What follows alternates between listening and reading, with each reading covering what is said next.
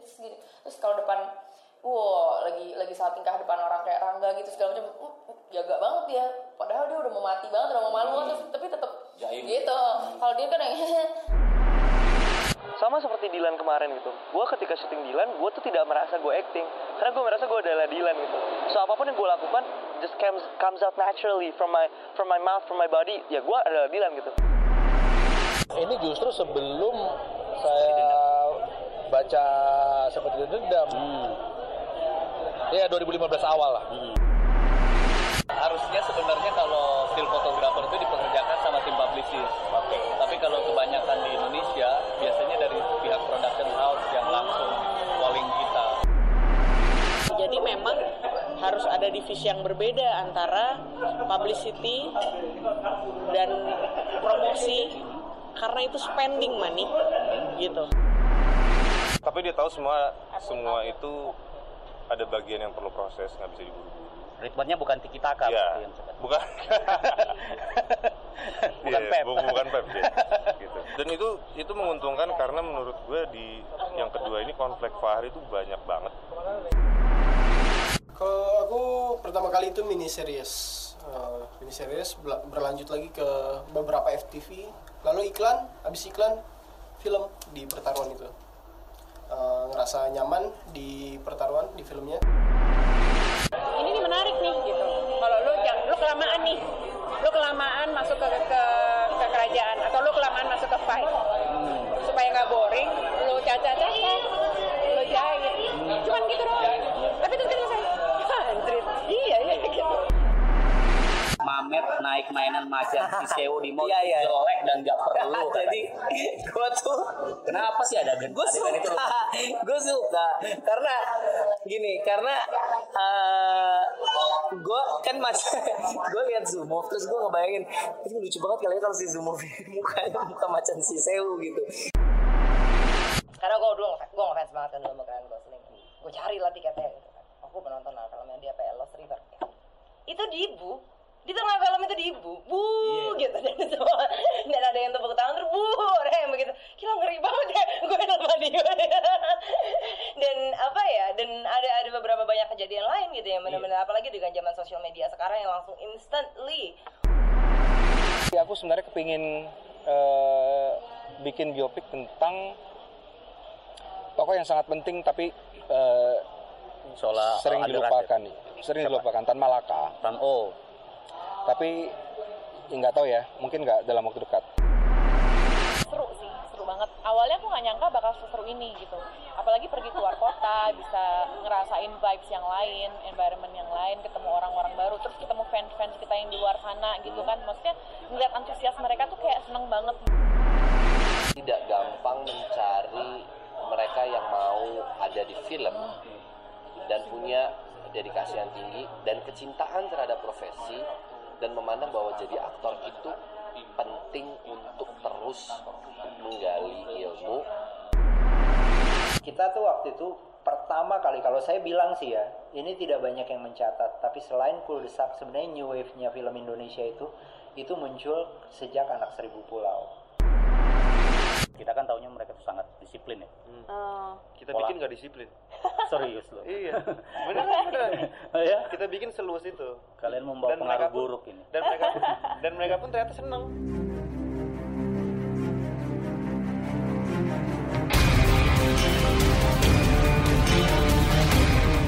Hey yo, saatnya kita mengobrol film, mengobrol film, mengobrol film. Dengan posisi yang sekarang 50-an om. Ya. Semisalnya om dikasih kesempatan memberi nasihat kepada seorang Tio Pakusadewo yang berusia 20 tahun. Nasihat apa yang akan om berikan kepada dia?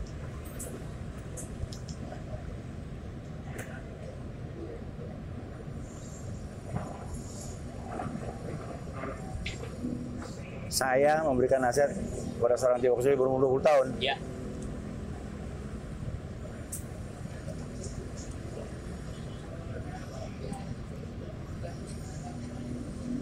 saya akan bilang bahwa Jadi kau nggak perlu takut sama besok.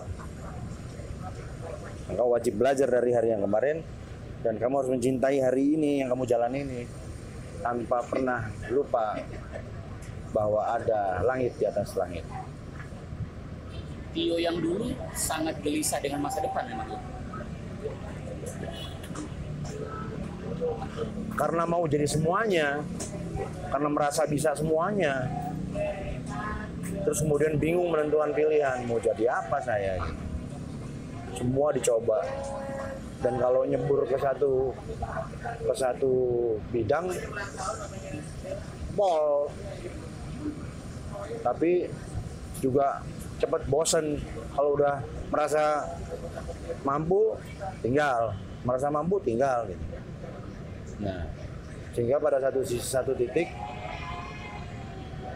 saya kemudian baru memutus, baru harus berani memutuskan. Kan agak terlambat saya memutuskan itu.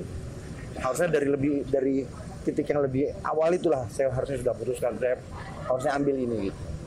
Saya agak terlambat lima tahun ya. Dan lima tahun itu baru saya setelah dari umur 20 25 tahun itu saya baru memutuskan oke jalan ini yang gua ambil. Itu agak terlambat gitu. Jalan sebagai seorang aktor. Iya, garis apa menjalani hidup sebagai seorang samurai di jalan pedang katanya gitu.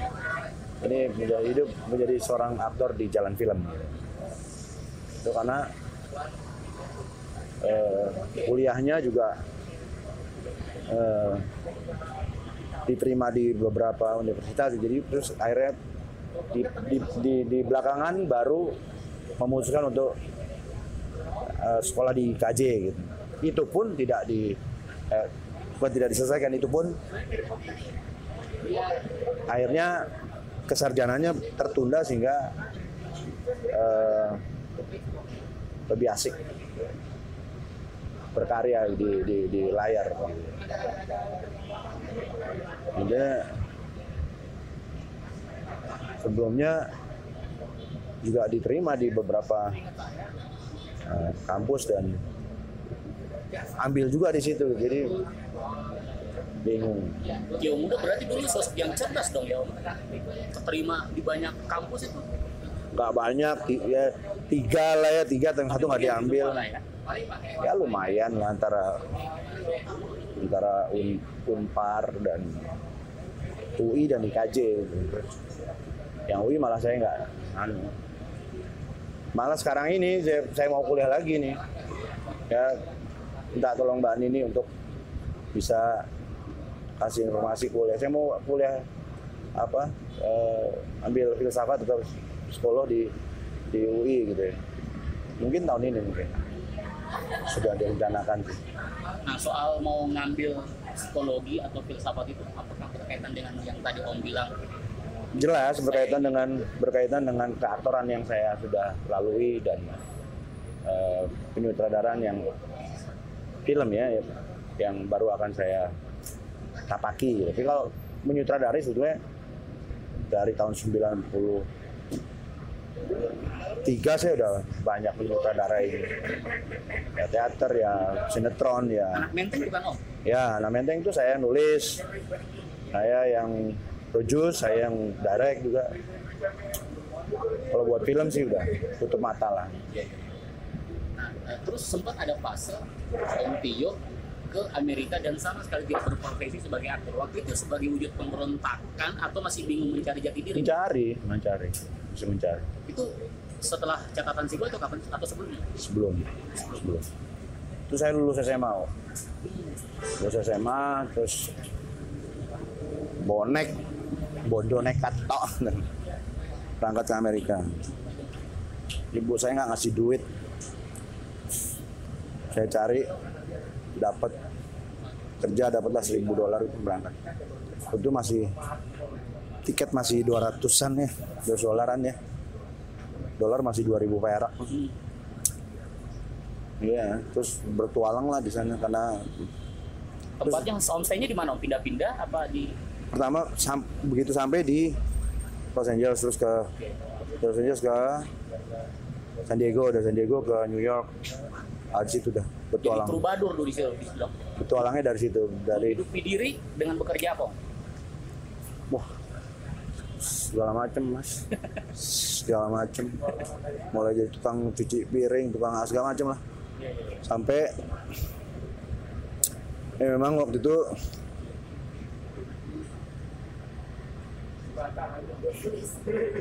saya belajar nyeket juga kan gambar apa ngelukis muka orang gitu. Oh, sampai di penjara kemarin saya dapat duitnya dari situ. Nyeket muka orang. Terus eh, tapi pekerjaan yang bisa membuat saya pulang ke sini tuh justru agak aneh gitu. Nah pekerjaannya itu ya berkolaborasi sama beberapa teman ya.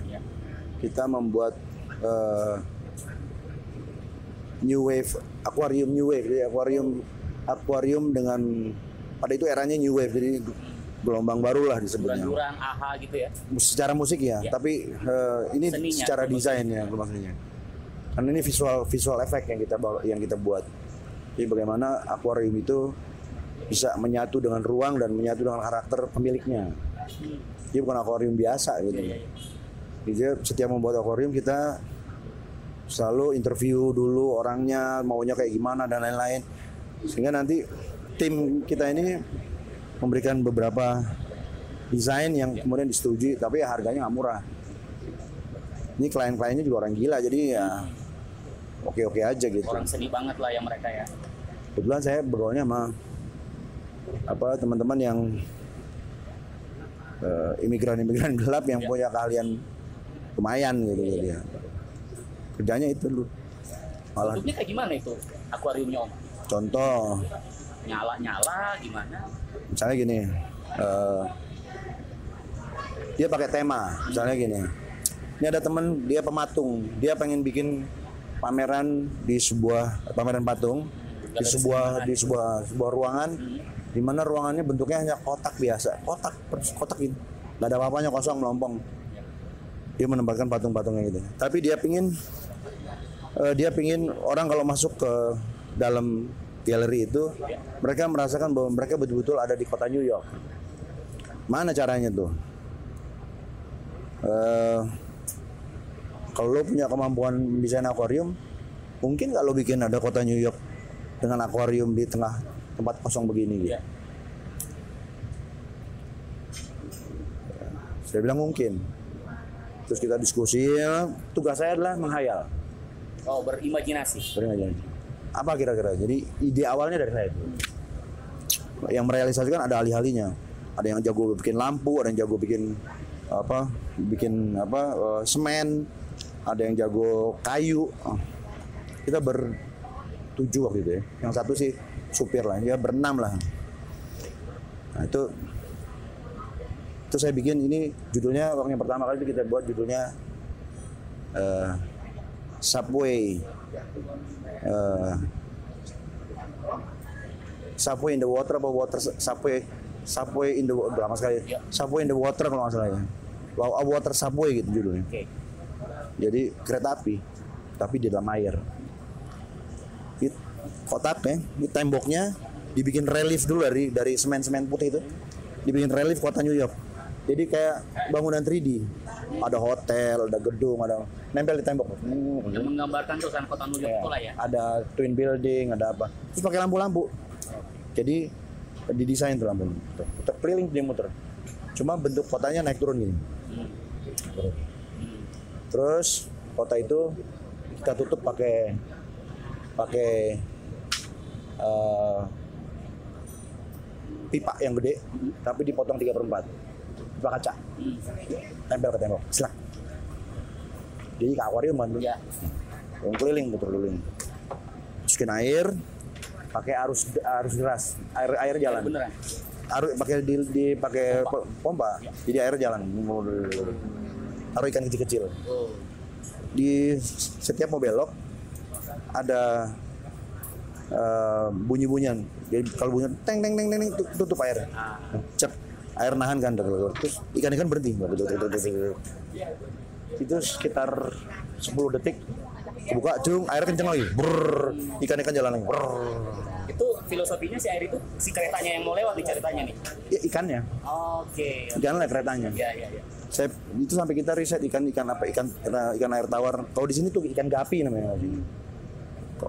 Ikan teri Medan tuh, kan warna-warni tuh. Iya, Kalau kena lampu tuh, emang temen-temennya jago bikin lampunya jago. Gitu. Kenapa tidak mengaplikasikan itu di Indonesia? Om? Sempat, pernah. Orang sini tuh tidak mengapresiasi seni Oh. pada masa itu apalagi ya. Pernah bikin di Bali sekali. Berarti kalau goal terjual satu proyek, Om dapat jatah berapa tuh? Kan dibagi bertujuh. bagi-bagi. Cuma waktu itu kan kita nggak tahu. Pertama kali itu kita beli kita jualnya murah sekali. Hmm. Lima ribu kan, lima ribu tuh udah gede banget waktu itu. Ah, 5.000 dolar. Karena biayanya emang kita itu itu kita untungnya paling sedikit lah. Tapi yang kedua kali, dua kalinya. Udah tahu harga kan. Nah dari duit hasil itu kumpul-kumpul balik ke Indonesia. Iya. Kenapa balik ke Indonesia? Daripada jadi imigran gelap, gue tangkap-tangkap ngapain? Orang tolol. Hujan uang di negeri orang. Mending hujan batu di negeri ya. Tapi ini kan Om berarti juga sudah cukup akrab dengan pergaulan jalanan ya. Tapi apa falsafah hidup yang Om bisa dapetin terus terapin sebagai seorang orang tua, sebagai seorang pribadi untuk tetap tangguh. Secara Jawa itu rawe-rawe rantas malang-malang putung. Sing digawe kudu dituntas, sing ngalangi mesti dipuntung. Yang sudah dikerjakan harus diselesaikan. Yang menghalangi harus diatahin, harus di artinya teguh pada pendirian. Itu ada di Busido. Nah, bapaknya dia sama bapakku kakak adik seperguruan dalam karate. Kakaknya dia sama aku adik kakak dalam seperguruan di karate. Iwan Fals tapi dia beda perguruan dia Lemkari ya. Iya, Lemkari ya?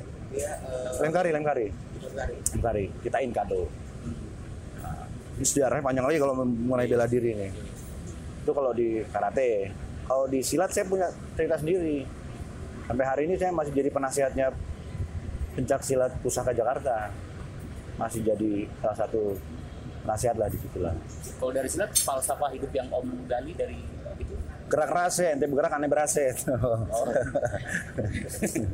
gerak rasa.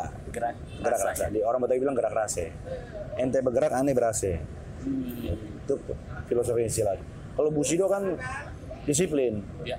Kita sebelum latihan aja wajib mengucapkan sumpah, lima sumpah itu. Sanggup menguasai diri, sanggup uh, berprestasi.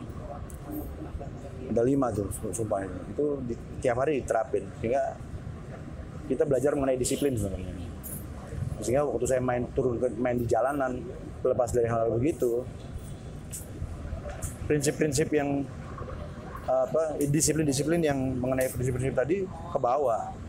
Jadi memang perlu apa pendidikan-pendidikan yang memiliki apa kekuatan karifan lokal di mana pun itu di Jepang atau di mana itu perlu diterapkan ke anak-anak. Kayak sendera tari misalnya atau apa gitu ya. Semua tuh ujungnya adalah disiplin. Bagaimana kita mampu mengatur diri kita untuk patuh pada jam-jam latihan tertentu. Harus latihan jam segitu. Sama kayak sholat juga gitu kan. Jam jam disip masalah disiplin aja. Kekuatan sebuah bangsa sebetulnya tercipta apabila manusia-manusia semua memiliki disiplin yang tinggi. Jepang, Korea, semua gitu. Termasuk Cina. Nah, aku cukup sering karena aku follow akun Instagramnya Om Tio, aku cukup sering Om Tio posting foto bersama ibu, ibunda. Tapi saya pengen nanya satu nasihat dari ibu yang Mas Tio ingat betul dan oh, memegang. La tahzan. Ibu saya selalu bilang La tahzan, jangan bersedih Apabila kau ada dalam keadaan ragu, bimbang, dan takut karena ada intimidasi dari orang atau dari hal-hal yang kau tidak mampu untuk ketahui, cukup kau bilang atau kau baca Hasbunallah wa ni'mal wakil ni'mal maula wa ni'mal nasir. Cukuplah Allah menjadi uh, uh, wakilku dalam menghadapi semuanya dan berserah diri. Maka semua akan bisa ditangani. Itu nasihat ibu saya yang sampai beliau uh, meninggal kemarin di penguburan terakhir itu saya sampaikan itu kepada banyak orang. dan memang hanya saya yang disampaikan begitu karena mungkin anak-anak yang lain nggak begitu bikin dia pusing ya jadi Paling bandel di keluarga berarti nih Om Tio nih. kalau bandel sih enggak lah mana sih ke bandel saya paling paling nggak nurut nih ya paling nggak nurut Tapi ada nggak Om, eh, kebandelan Om yang paling Om sesali terhadap kedua orang paling sesali terhadap Kedua orang tua, kebandelan Om terhadap orang tua yang paling Om sesali. Kalau misalnya ini, nggak pengen ngelakuin itu gitu. nggak ada Nggak ada. Memang sudah harus bandel saya dan memang sudah kewajibannya orang tua saya untuk memiliki anak bandel seperti saya gitu loh memang sudah wes wayahe gitu udah memang udah Aku sempat baca wawancaranya Om panjang banget di majalah Rolling Stone album Ah. Indonesia. serem itu Punya anak, sulung semuanya. Terus apa apa yang atau gaya hidup atau didikan ya berhubung tadi menyinggung soal bullying si anak-anak itu ya yang Om tanamkan kepada mereka. Biar mereka itu enggak minimal menyamai atau melewati level kebandelannya seorang Tio Fokusadewo lah.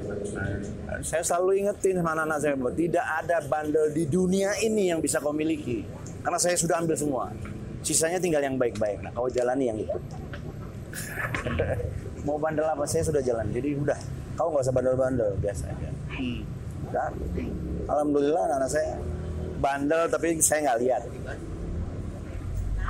bukan nggak bandel bandel lah dia bandel. Tapi saya nggak pernah tahu kenakalannya dia yang melampaui kenakalannya saya bersyukur itu. Umur 17 tahun, ulang tahun digebukin, habis itu udah nggak pernah digebukin lagi. ya. Itu ke semua anak gitu, Iya. kado umur 17 itu. saya kasih kado. Kamu ulang tahun hari ini ya berapa 17 saya kasih kado ya. Udah? Pang pukul itu kado saya paling harus kamu ingat sampai kamu mati karena abis ini saya nggak bakal mukul kamu lagi kamu udah gede kamu laki-laki kan udah sampai hari ini kalau dibikin apa saya nggak pernah marah biarin aja Tapi kalau tamparan paling keras dari eh, pengalaman hidup yang Om Tio rasain, Oh, bukan kalau gua bukan ditampar lagi. Digebukin pakai kopel rim, tau kopel rim abri itu. Bapak gua tuh mukulin pakai itu. Udah bukan tangan lagi udah. Udah aduh, itu pasti level bandelannya dewa tuh. Enggak lah. Makanya hukumannya Enggak, waktu itu karena umur apa ya, SMP kelas SD. SD kelas 5 apa kelas 6 ya? Kelas 5 lah itu. Ngerampok rumah orang. Tapi ngerampoknya juga karena barang-barang gua ada di situ. Jadi cuma mau ngambil barang gua gitu. Nggak ngerampok rumahnya. Rumahnya yang ngejebol gue, tapi abis itu anak- anak-anak kan rombongan ikut banyak.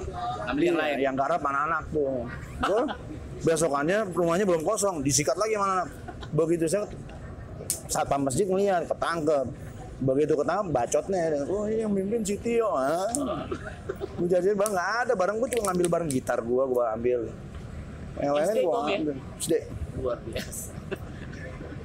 Dapatlah itu ya kado itu dari bapaknya. gua sih gua tuh lulus SD di Tangerang Tangerang tuh dulu namanya Kansas Oh, kami anak negara suka akan stone oh. Ah, stone ah. Rokok-rokok kantor. rokok Kansas tuh singkatannya itu tapi gue lulus sebagai anak negara karena di sekolah anak nakalan karena bangun tidur tidur bangun-bangun kok udah lain kamarnya. Wah dipindahin gue dulu Nah soal proses keaktoran Om, aku banyak tanya sama teman-teman lainnya. Oh, ada Prilly, ada siapa siapa. Eh, bilang semua belajar sama saya. ya, nah sebenarnya Om Tio ini secara oh bentar mau wawancara ke aktoran ya. Emang memilih untuk menerapkan teknik apa sih? Kan ada banyak yang itu sesuatu lagi. Kalau mereka mereka itu mereka emang datang ke saya dan pengen belajar gitu. Saya cuma kasih syarat kalau apa ya ikutin aja yang gua ngomong nanti ada ada hal-hal yang agak aneh tapi ya lu jalanin aja gitu. Nggak boleh bertanya. Gitu. nanti selesainya baru mereka paham bahwa maksudnya ini maksudnya ini. Kalau kata Prilly Om Tio punya kebiasaan-kebiasaan unik tuh dalam masuk ke dalam peran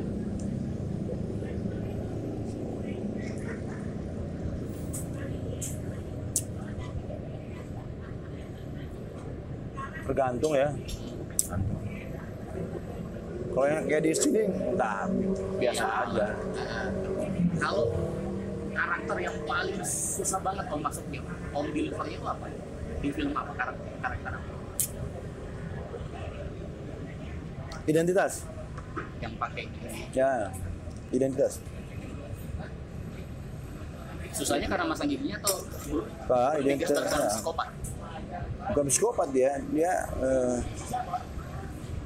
perilaku sosialnya kan yang yang yang yang ajaib gitu.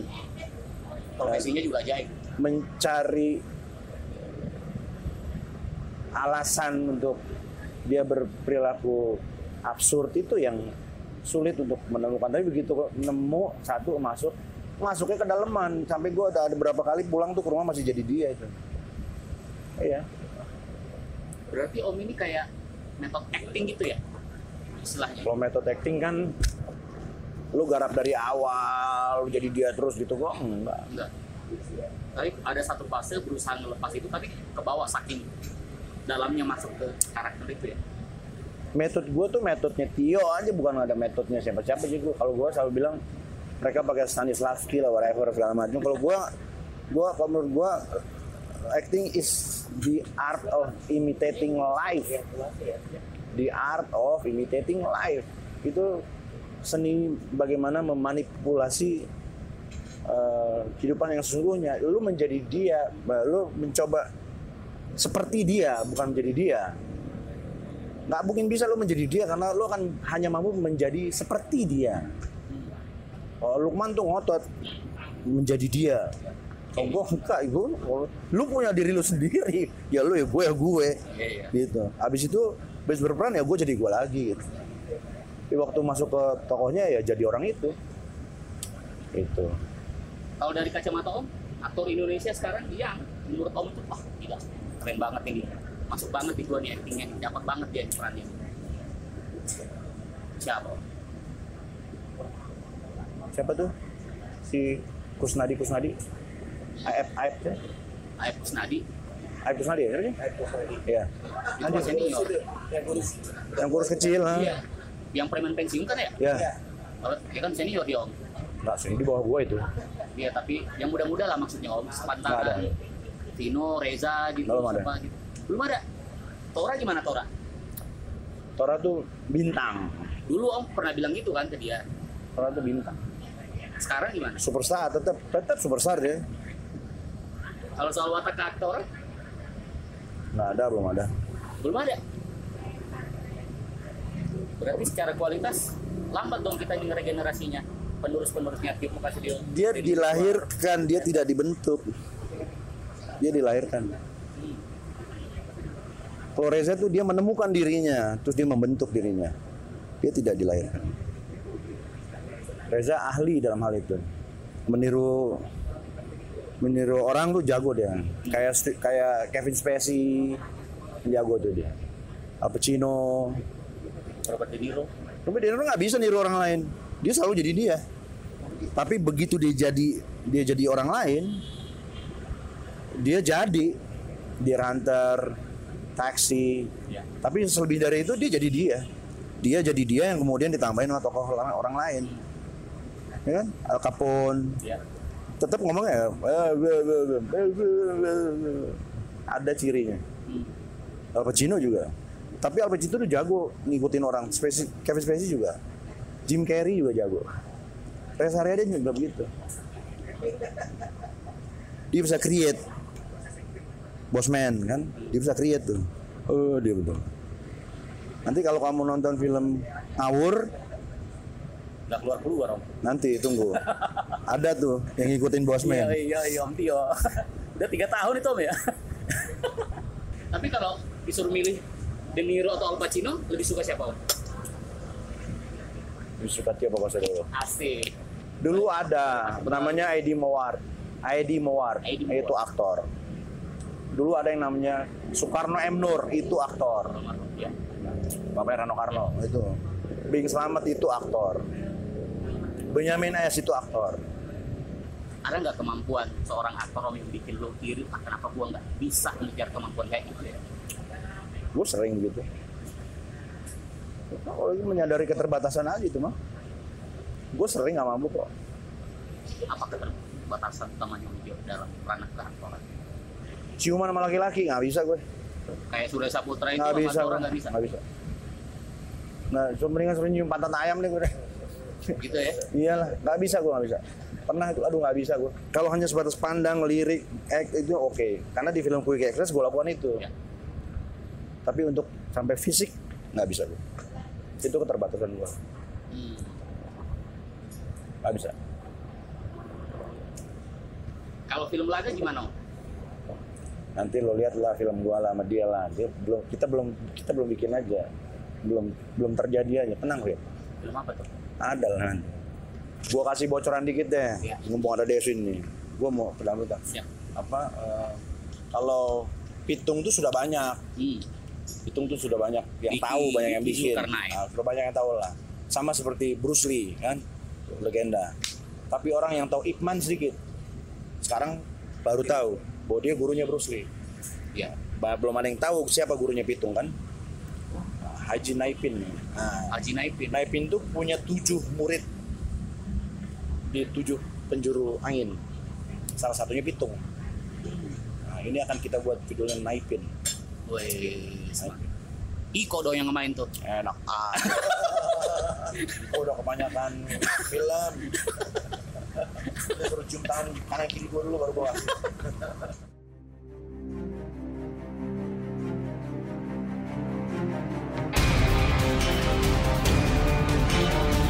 Demikian tadi mengobrol film kita. Terima kasih banyak sudah mendengarkan dan sampai jumpa pada edisi selanjutnya.